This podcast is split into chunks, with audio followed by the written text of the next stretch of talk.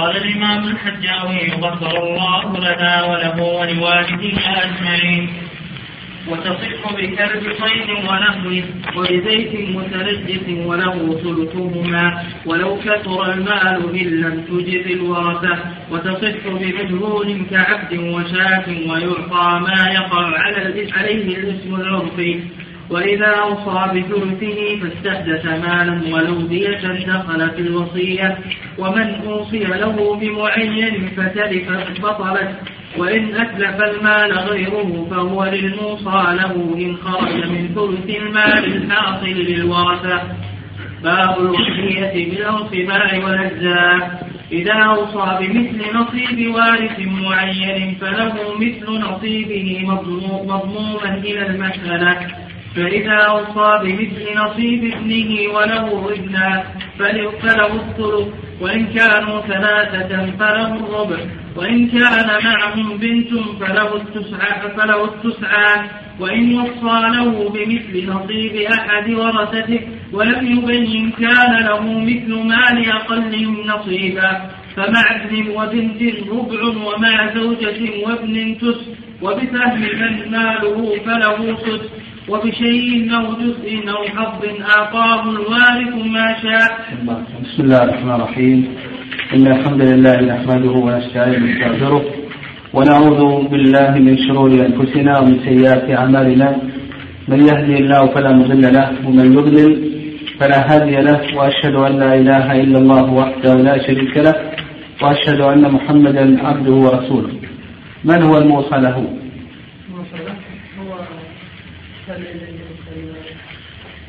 الذي يصفه الذي الذي مرض مرض لكن المسألة كالذي شيء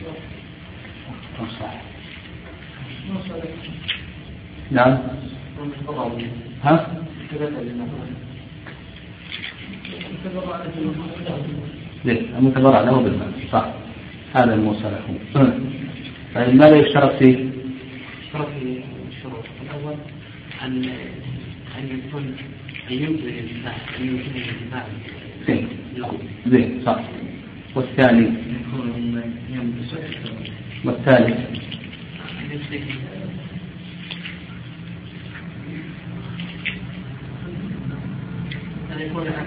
آدميا صح.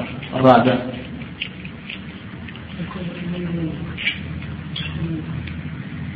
الرابع؟ أن يكون موجودا صح أيضا؟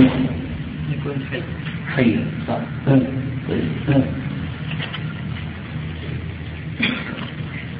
بسم الله والصلاة والسلام على رسول الله. قال المؤلف رحمه الله وتصح بكلب بكلب صيد ونحوه وبزيت متنجس وله ثلثهما ولو كثر المال إن لم تجز الورثة لما تكلم المؤلف رحمه الله عن الوصية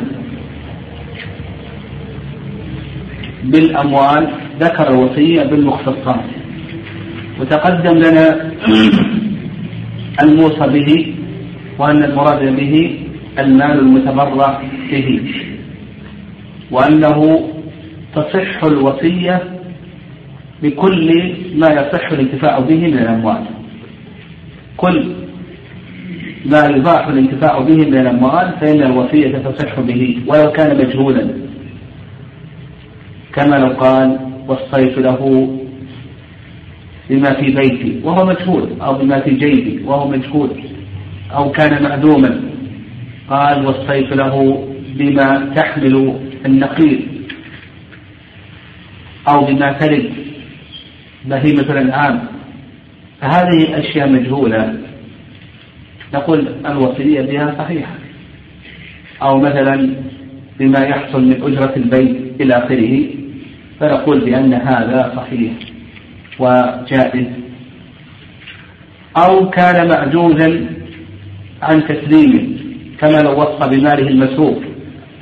له سيارة مثلا مسروقة ثم وصى بها لزيد من الناس. نقول هذا صحيح جائز ولا بأس به لأن الموصى له يدخل وهو إما سالم أو غانم. إن حصلت فهو غانم وإن لم تحصل فهو سالم ليس معاوضة ليس بيعا أو شراء نحو ذلك أو وصى بجمله الشارد لزيد من الناس. نقول هذا جائز ولا بأس به لأن هذه إن حصلت للموصى له فهو غالب وإن لم تحصل فهو سالم. إن لم تحصل فهو سالم. هنا تكلم لما تكلم المؤلف رحمه الله عن الوصية بالأموال شرع شرع بالكلام عن الوصية بالمختصات وفرق بين المال وبين المختص. المال هو ما يباح الانتفاع به ويصح العقد عليه. أما المختص فهو ما يباح الانتفاع به ولا يصح العقد عليه. مثل كلب الصيد يباح لك أن تنتفع به لكن أن تعقد عليه بيعا وشراء ونحو ذلك يقول هذا لا يصح. وذكر المؤلف رحمه الله قال وبزيت متنجس. بزيت متنجس. أيضا يصح أن تنتفع به في غير المسجد عن مذهب ولكن لا تعاوض عليه. ما يصح بيعه الزيت المتنجس. والمقصود بالزيت المتنجس هو الزيت الطاهر الذي طرأت عليه نجاسة. يعني عندنا زيت متنجس وزيت نجس. فالمتنجس هو الطاهر الذي طرأت عليه نجاسة والنجس هو الذي في ذاته وأصله نجس. مثل دهن الميتة دهن سباع البهائم. هذه في ذاتها وأصلها أنها نجسة المهم المختص فهمناه وهو ما يباح الانتفاع به ولا يصح العقد عليه. هل تصح الوصية به أو لا تصح؟ يؤخذ من كلام المؤلف رحمه الله أن الوصية به صحيحة. فلا بأس أن يوصي له بكنز خليل ولا بأس أيضا أن يوصي له بزيت متنجس إذا قلنا بأن الزيت المتنجس من المختصات. ولا بأس أن يوصي له بجلد ميتة. نعم إلى آخره. المهم أن هذه الأشياء المختصة يجوز تجوز الوصية بها. طيب الآن إذا أوصى له بكلب صيد ونحوه يعني ككلب الحرث وكلب الماشية أو أوصى له بزيت آه، متنجس أو أوصى له بجلد ميتة نقول صحيح. وما الذي يكون للموصى له؟ ما الذي يكون للموصى له؟ يقول المؤلف رحمه الله له ثلثهما ولو كثر المال إن لم تجز الورثة. ولنفرض أن إنسان عنده مئة مليون وعنده كلب صيد. وكلب الصيد قيمته تساوي مثلا عشرة آلاف ريال. فقال كلب الصيد هذا أوصيت به لزيد وش حكم الوصية؟ صحيحة. طيب. وش يملك الموصى له من كلب الصيد؟ طيب لماذا ملك الثلث نقول الآن وش يملك من كلب الصيد؟ هل يملكه جميعا أو يملك الثلث؟ ها؟ وش يقول المؤلف؟ له ثلث ماذا؟ ثلث الكلب. لماذا له ثلث الكلب؟ مع أنه ثلث ماله كم؟ هو الآن عنده 100 مليون. هذا الرجل عنده 100 مليون. 3000 مليون. وقيمة الكلب كم؟ 10000 ريال.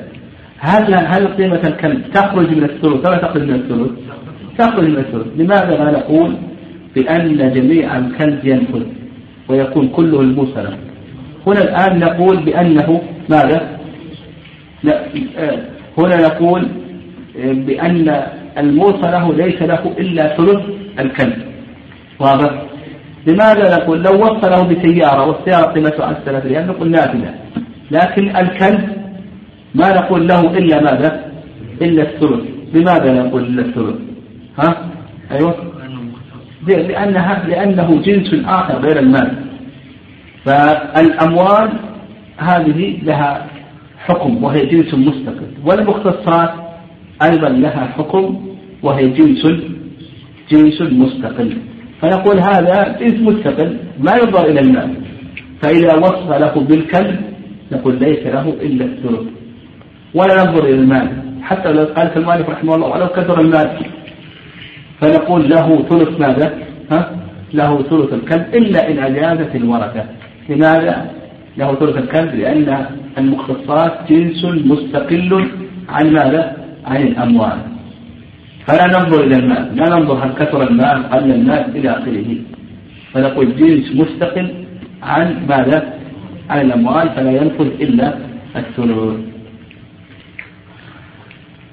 ولهذا قال لك المؤلف رحمه الله إن لم تجز الورثة. ومثل هذا الزيت المتنجس إذا قلنا بأنه من المختصات ما ينفذ إلا ماذا؟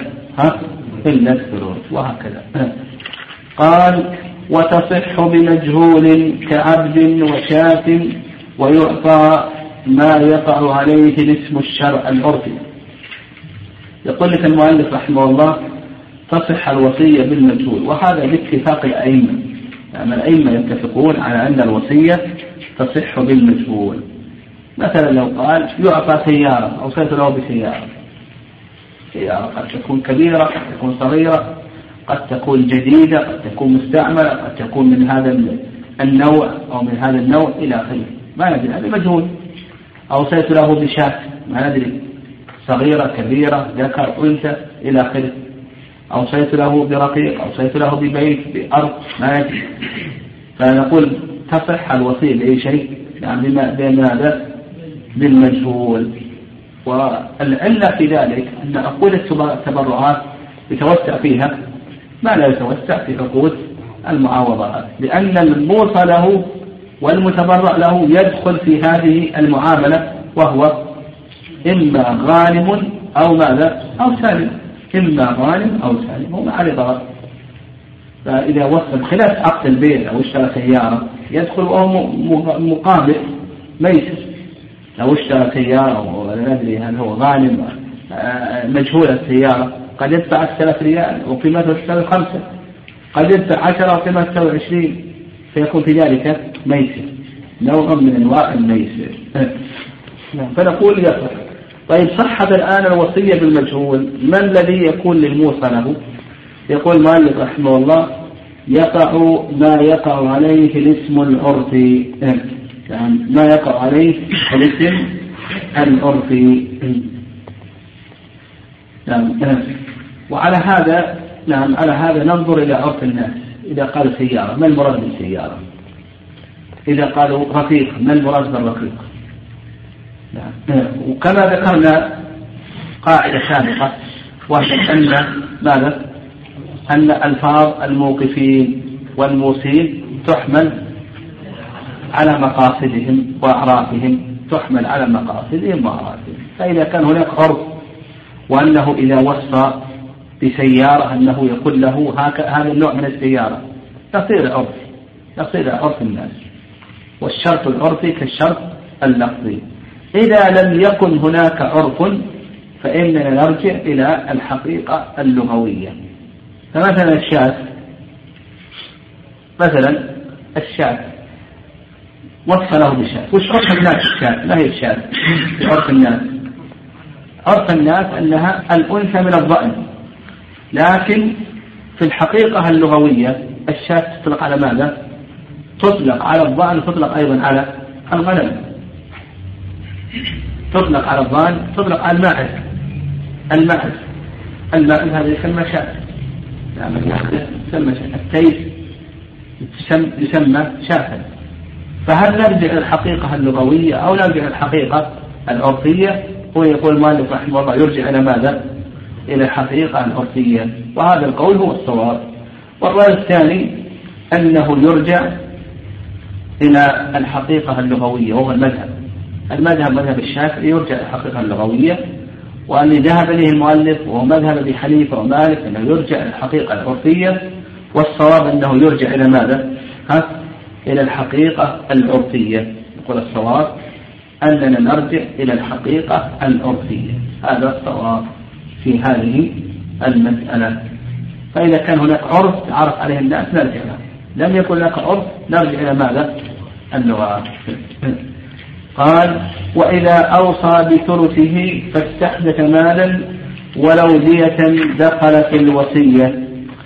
نعم إذا أوصى له بشيء فهذا لا يخلو من أمرين الأمر الأول أن يكون مشاعا والأمر الثاني أن يكون معينا. مشاع مثاله. ها؟ مثل قال وصيت له بالثلث بالربع بالخمس إلى آخره. هذا مشاع يعني جزء مشاع في التركة. الثاني أن أن يوصي له بمعين. معين مثل سيارة بيت هذه البيت هذه الأرض هذه السيارة. معين. طيب. إذا وصى له بمشاع فإن ما يستحدثه من الأموال يدخل في هذا المشاع.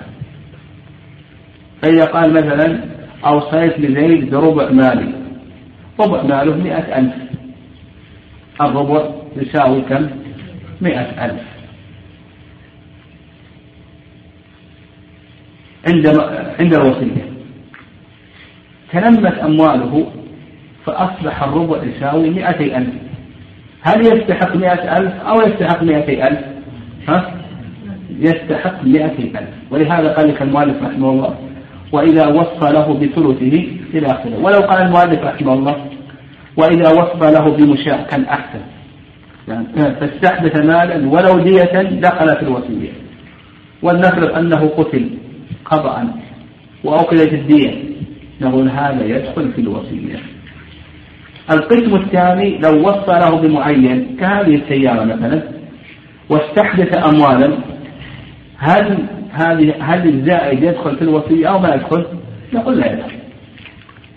فإذا قال يعطى زيد سيارة هذه السيارة مثلا أو سيارة نعطيه سيارة حتى ولا يستحق أكثر من هذه السيارة حتى ولو زادت ماذا؟ زادت أمواله ولنفرض أن السيارة قد يعطى هذه السيارة بمثلا حتى سيارة وزادت أمواله مليون مليون. ها؟ هل يستحق أو لا يستحق؟ نقول لا يستحق. وقول المؤلف رحمه الله ولو دية. هنا إشارة إلى خلاف لأن أهل العلم رحمهم الله اختلفوا في الدية. هل تدخل في الوصية أو لا تدخل في الوصية؟ فأكثر أهل العلم أنها تدخل في الوصية وهو المشهور من المذهب. نعم. من المشهور من المذهب أنها تدخل في الوصية. هذا قول أكثر أهل العلم مذهب الإمام أحمد ومالك والشافعي أنها تدخل في الوصية. والرأي الثاني نعم الرأي الثاني أنها لا تدخل في الوصية والصواب أنها تدخل في الوصية. قال ومن أوصي له بمعين فتلك بطلت. واضح. قال يعطى زيد هذه السيارة ثم تلف السيارة ترى وش الحكم هنا؟ حكم الوصية نقول بأن الوصية باطلة. بطلت الآن. الوصية. وهذا بإجماع العلماء رحمهم الله. يعني لزوال حق الموصى له بثلاث الموصى به. نقول إجماع العلماء على أن الوصية باطلة. بماذا؟ بثلاث الموصى به. لزوال حق الموصى به.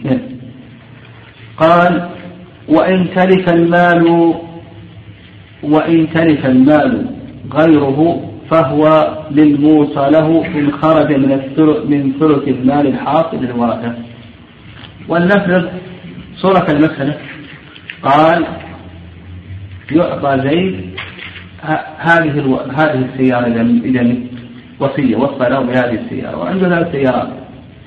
عنده ثلاث سيارات. فتلف سيارة كان بقيت السيارة الثالثة. وش الحكم هنا؟ تنفذ أو لا تنفذ؟ ها؟ نقول فيه تفصيل فيه تفصيل. إن كانت هذه السيارة تخرج من الثلث لأن يكون له أموال ولنفرض أن قيمتها تساوي عشرة آلاف وعنده مئة ألف.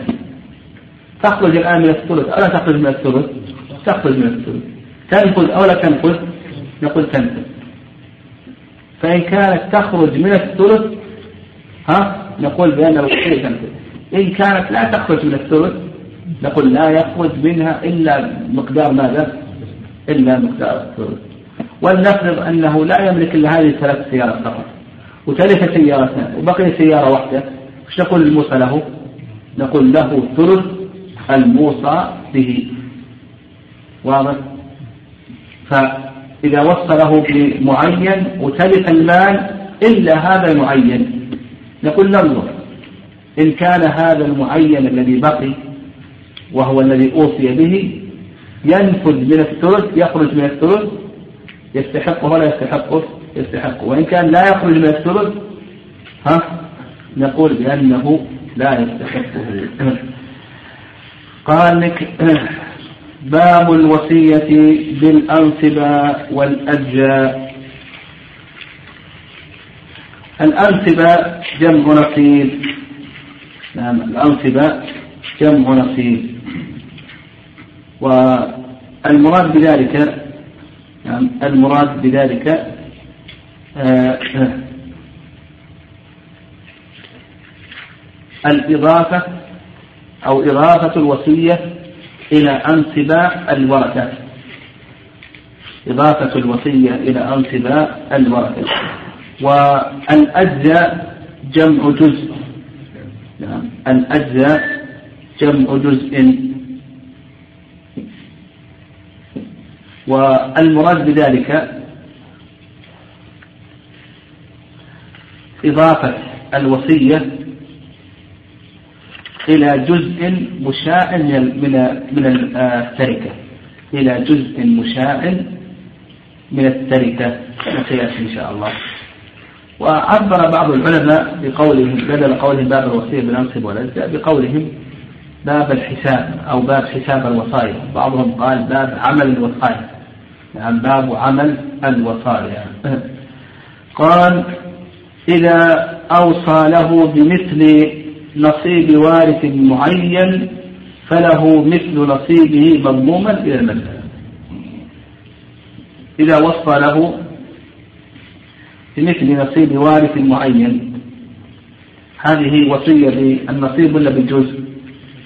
بالنصيب. مثل المؤلف رحمه الله قال فإذا أوصى بمثل نصيب ابنه وله وله ابنان فله الثلث. مثلا قال وصيت لزيد بمثل نصيب ابني وله ابنان. يقول وصيت لزيد بمثل نصيب ابني وله ابنان. وش نقول كالمؤلف؟ إيش قال لك؟ قال لك فله مثل نصيبه مضموما إلى المسألة. المسألة من كم المسألة؟ من اثنين. المسألة من اثنين. لأن الميت هلك عن اثنين. فهم عصبة من عدد رؤوسهم فتكون المسألة من اثنين. فقيل في الوصية قال بمثل نصيب ابني. فنضيف الاثنان الآن لكل واحد منهم كم؟ واحد. فنضيف نصيب هذا الابن إلى المسألة. واضح؟ ويعطى مثل نصيب الابن من مز... آه نعم من المسألة مع إضافة الوصية. فنقول أصل المسألة من اثنين لكل واحد واحد. وقال مثل نصيب ابني نضيف اثنين إلى واحد. تبقى مثلا من كم؟ من ثلاثة. فنعطيه واحد من أي شيء؟ من ثلاثة. نعطيه واحد من ثلاثة. فيكون له كم؟ الثلث. نعم نقول له الثلث. ولا نقول له النصف. لأنه قال مثل نصيب ابني ونصيب ابنه واحد يكون له واحد من اثنين. وننظر هل تزيد الورثة لا. نقول له مثل نصيب ابنه مضافا إلى أي شيء؟ إلى المسألة مثال ثاني لو كان له ثلاثة أبناء كم يستحق الربع؟ لأن المسألة تكون من كم؟ من ثلاثة. تضيف واحد تكون أربعة يكون له واحد من أربعة. لو كان له أربعة أبناء تكون المسألة من كم؟ من الخمس وهكذا. يعني تكون المسألة من الخمس وهكذا. قال وله إبنان فله فله الثلث وإن كانوا ثلاثة فله الربع وإن كان معهم بنت فله التسعان. يعني إن كان معه بنت معهم بنت فله التسعان. هم ثلاثة الآن ومعهم بنت. من كم تكون المسألة؟ من سبعة. لأن الذكر برأسين تكون ستة. والبنت برأس واحد تكون سبعة. مسألته من سبعة. وقال مثل نصيب ماذا؟ ابني. الابن كم أخذ؟ أخذ اثنين. تضيف سبعة إلى اثنين يساوي كم؟ تسعة. وهو يصير له اثنين من تسعة يصير كم له؟ التسعات يكون له التسعات فنقول المسألة ثلاثة ثلاثة أبناء وبنت. وقال مثل نصيب ابني تكون المسألة من كم؟ من سبعة وابنه له اثنان نضيف اثنين إلى سبعة تكون المسألة تسعة يكون له اثنين يكون له اثنان من تسعة يصير هما التسعة قال وإن وصى له بمثل نصيب أحد الورثة ولم يبين كان له مثل ما لأقلهم نصيبا. لأن هذا هو المتيقن. وما زال مشكوك فيه. لو قال مثل نصيب ابني لا لو قال مثل نصيب أحد الورثة نصيب أحد الورثة وله ابن وبنت. نعطيه مثل نصيب ماذا؟ البنت. لأن البنت هي الأقل. ولو كان له ابن وبنت وزوجة ها؟ الزوجة هي الأقل. وهكذا. يعني لأن هذا هو المتيقن وما زاد مشكوك عليه والأصل أنه لا يستحقه الموصى له إلا إذا كان هناك عرف فإن كان هناك عرف فإن نرجع إلى ماذا؟ إلى أعراف الناس لكن إذا لم يكن هناك عرف فكما ذكر المؤلف رحمه الله قال فمع ابن وبنت ربع ابن وبنت ربع لأنه يأخذ مثل نصيب ماذا؟ البنت ابن وبنت مسألة من كم؟ من ثلاثة. الابن له اثنان والبنت لها واحد فيأخذ واحد. لأن بنضم الواحد إلى الثلاثة يكون أربعة يكون واحد من أربعة. ومع زوجة وابن تسع. لأن المسألة تكون من كم؟ من ثمانية. زوجة وابن من ثمانية. للزوجة الثمن واحد وللابن سبعة وله مثل ما لأقلهم الأقل ما هو الزوجة واحد. فثمانية مع واحد يكون تسعة. يكون له واحد من تسعة. وهكذا. وبسهم من ماله يعني إذا قال يعطى سهما من ماله يعني فيقول لك المؤلف رحمه الله له السدس يعني وهذا هو المذهب. يعني والرأي الثاني أنه ينظر الرأي الثاني أنه يعطى ما آه، ما يأخذه أقل الورثة. إذا قال يعطى سهما من مال. فالمؤلف وش قال؟ يعطى السدس. والرأي الثاني أن حكم هذه المسألة حكم المسألة السابقة أننا نعطيه ما لأقل الورثة. وهذا ما ذهب إليه أبو حنيفة رحمه الله تعالى. لكنه يقيد ذلك يقول بشرط ألا يزيد هذا النصيب على السدس فإن زاد يرد عليه. فعندنا الرأي الأول السدس كما هو مذهب الإمام أحمد رحمه الله والرأي الثاني الرأي الثاني أنه يعطى مال أقلهم إلا إن كان هذا الأقل يزيد على السدس فلا يتجاوز. نعم لا يتجاوز السدس.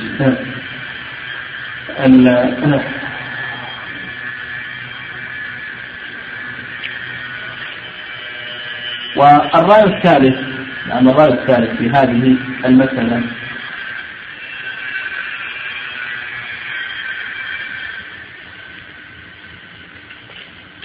يعني الرأي الثالث في هذه المسألة آه، ما ذهب إليه الإمام مالك رحمه الله في رواية. ما ذهب إليه الإمام مالك رحمه الله تعالى في رواية عنه أنه يعطى الثمن. والرأي الرابع ما ذهب إليه الشافعي أن الورثة بالخيار يعطونه ما شاء. أن الورثة بالخيار يعطونه ما شاءوا و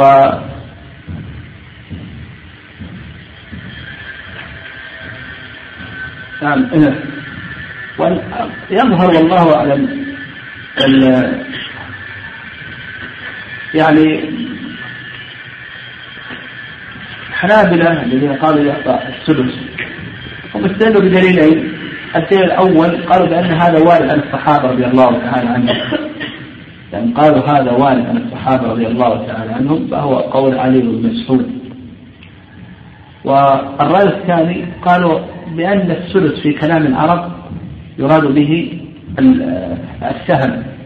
في كلام العرب يراد به الثلث. نعم السهم في كلام العرب يراد به الثلث.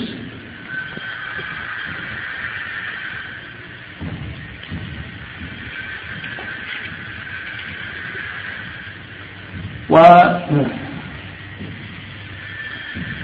والأقرب في مثل هذا أن يقال كان هناك عرف نرجع إلى ماذا؟ إلى عرف إن لم يكن هناك عرف نرجع إلى الحقيقة اللغوية. ننظر ما المراد بالسهم في كلام العرب. فإن كان السهم في كلام العرب الحظ والنصيب أي شيء نصيب رأي الشافعي. الورثة بخيار يعطونه ما شاء. وإن كان السهم في في كلام العرب ها الثلث فينعطيه ماذا؟ الثلث. فنقول الخلاصة في هذا ينظر إلى العرف إن كان هناك عرف. إن لم يكن هناك عرف ها؟ ننظر إلى الحقيقة اللغوية. ما هو السهم في الحقيقة في اللغة العربية؟ هذا الصواب في هذه المسألة. وكما ذكرنا مذهب الحنابلة يرون ماذا؟ الثلث والشافعي بالخيار. والإمام أبو حنيفة رحمه الله يقول يعطى ماذا؟ أقل الورثة إن لم يتجاوز الثلث. والإمام مالك رحمه الله له قولان أو روايتان رواية الثمن ورواية الثانية يعطى الثلث أيضا. قريب من ذلك يعني يعطى الثلث إن لم يحصل عون يعني إلا أن تعول الورثة يعني فيعطى ثلثا عائلة ويعطى الثلث إلا تعول الورثة فيعطى الثلث ثلثا عائلة والأقرب في هذه المسألة كما قلنا إن كان هناك عرف نرجع العرف إذا لم يكن هناك عرف نرجع إلى الحقيقة القول قال وبشيء أو جزء أو حظ أعطاه الوارث ما شاء. بشيء أن يعطى وفات للزيد بشيء من ماله ما بين. أو جزء يعطى جزءا من ماله أو حظا من ماله أو نصيبا من مال أو قسطا من مال إلى آخره ما بين وهذه وصايا صحيحة لأنه كما تقدم لنا أن الوصية بالمجهول حكمها ماذا؟ أنها صحيحة لكن ما الذي يعطى؟ ها؟ يقول لك المؤلف رحمه الله أعطاه الوارث ما شاء لأن هذا لا حد له في اللغة ولا في الشرع فيكون على إطلاقه يقول هذا ليس للتحديد في اللغة ولا في الشرع فيكون على إطلاقه. والترجيح في هذه المسألة كالترجيح في المسألة السابقة. ماذا نقول ها؟ إن كان هناك عرف فنعطيه ما اقتضاه العرف. إن لم يكن هناك عرف نعطيه ماذا؟ نعم نرجع الحقيقة اللغوية. قال المؤلف رحمه الله باب الموصى إليه. باب الموصى إليه.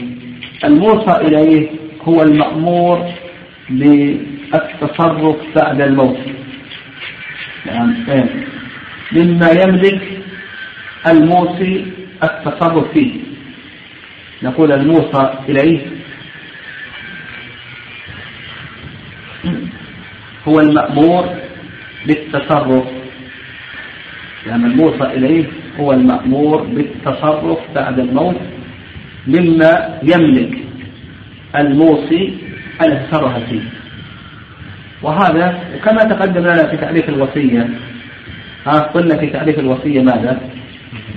أنها تبرع بالمال وأمر بالتصرف فالموصى إليه خلاف الموصى له. الموصى له هو المتبرع له. أما الموصى إليه فهو المأمور بأي شيء؟ بالتصرف فمثلا إذا وصى لزيد أن يغسله هذا موصى إليه. أن يكفله هذا موصى إليه. أن يقوم على ثلثه. هذا نقول بأنه موصى إليه. وهكذا. نعم. قال المؤلف رحمه الله. نعم. تصح وصية المسلم إلى كل مكلف عدل رشيد ولو عبدا ويقبل بإذن سيده إلى آخره. قبل ذلك الدخول في الوصية. نعم الدخول في الوصية. نقول الأصل في ذلك أنه مستحب.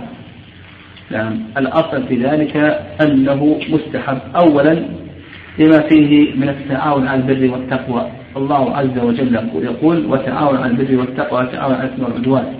وثانيا لما فيه من تفريج كربة المسلم. لأنه لأن الموصي قد لا يجد أحدا يوصي له. ففيه تفريج لكربة المسلم والنبي صلى الله عليه وسلم يقول من فرج كربة نعم من فرج عن مسلم كربة من كرب من كرب الدنيا فرج الله عنه كربة من كرب الآخرة. وأيضا هذا هو الوارد عن الصحابة رضي الله تعالى عنهم. وهذا هو الوارد عن الصحابة رضي الله تعالى عنهم.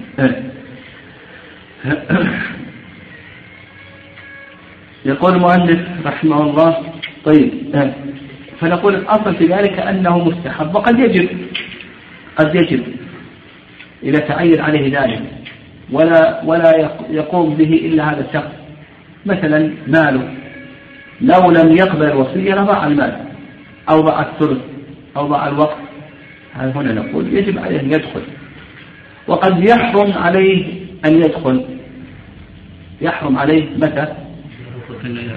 ها؟ إذا كان لا يأمن لا. نعم إيه صحيح. إذا كان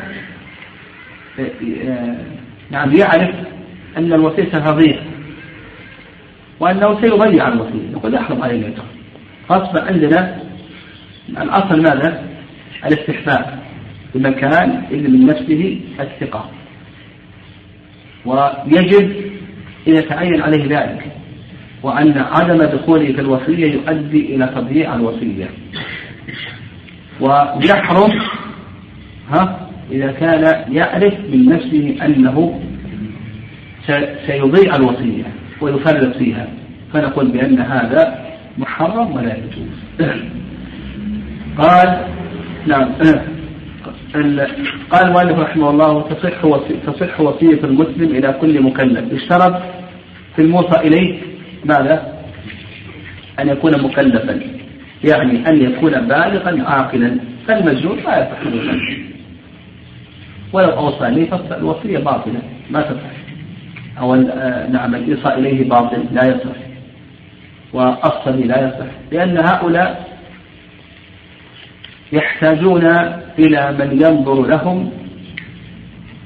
يحتاجون إلى من ينظر لهم. فلا ينظرون على غيرهم. يقول يحتاجون إلى من ينظر لهم فلا ينظرون إلى غيرهم. قال عدل نقول الأول التكليف والثاني العدالة.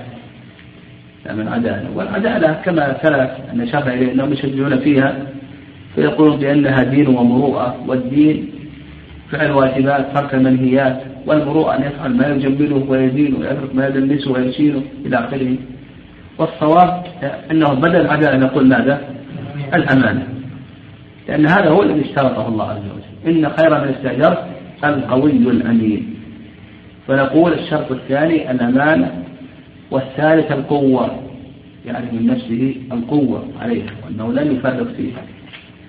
قال رشيد هذا الرابع يخرج السفيه لأن السفيه ما ينظر لنفسه فكيف ينظر لغيره؟ هو أصلا محجور عليه لكونه سفيه فلا ينظر لنفسه فنقول لا ينظر لغيره. قال ولو عبدا يعني إنه لا يشترط أن يكون حرا فيصح حتى ولو كان رقيقا ويكون ذلك بإذن سيده. ولا يشترط أيضا أن يكون ذكرا فيصح حتى إلى المرأة فإن عمر رضي الله تعالى عنه اوسى إلى حصه رضي الله تعالى عنها يقول لا, لا يشترط قال وإذا أوصى إلى زيد وبعده إلى عمرو ولم يعزل زيدا اشتركا. ولا ينفرد أحدهما بتصرف لم يجعل له. نعم إذا أوصى لزيد يعني في شهر محرم أوصى لزيد. قال الذي يقوم بترتيب زيد. أو بتكفير زيد أو ب... ثم أوصى لعمر ها؟ يشتركون. لأن كما سبق أن ذكرنا ماذا؟ أن الوصايا نعم. ما ما تتناسق حتى ولو علم المتقدم أنها لا تتناسق وإنما يشتركون. كما قلنا هذا في الموصى له فكذلك أيضا في الموصى إليه. فلو أوصى لزيد بمئة ثم لعمر بمئة تزاحموا. يعني كل كل منهم مئة. تزاحموا في الثلث. تزاحمون في الثلث. المهم إنه إنه إذا أوصى لزيد أوصى لعمر إلى آخره. قال ولا ينفرد أحدهما بتصرف لم يجعله له. نعم. لا ينفرد أحدهما بتصرف لم يجعل له. فإذا قال مثلا الذي يقوم على ثلث زيد وعمر أو زيد ثم اوصى لعمر يقول يشتركان زيد وعمر ولا ينفرد احدهما بالتصرف بل بل إنهما يشتركان في التصرف. لأن الموصي لم لم يرضى بنظر أحدهما دون الآخر. يعني كونه أوصى لهما جميعا هذا يدل على أن على أنه لم يرضى بنظر أحدهما دون الآخر.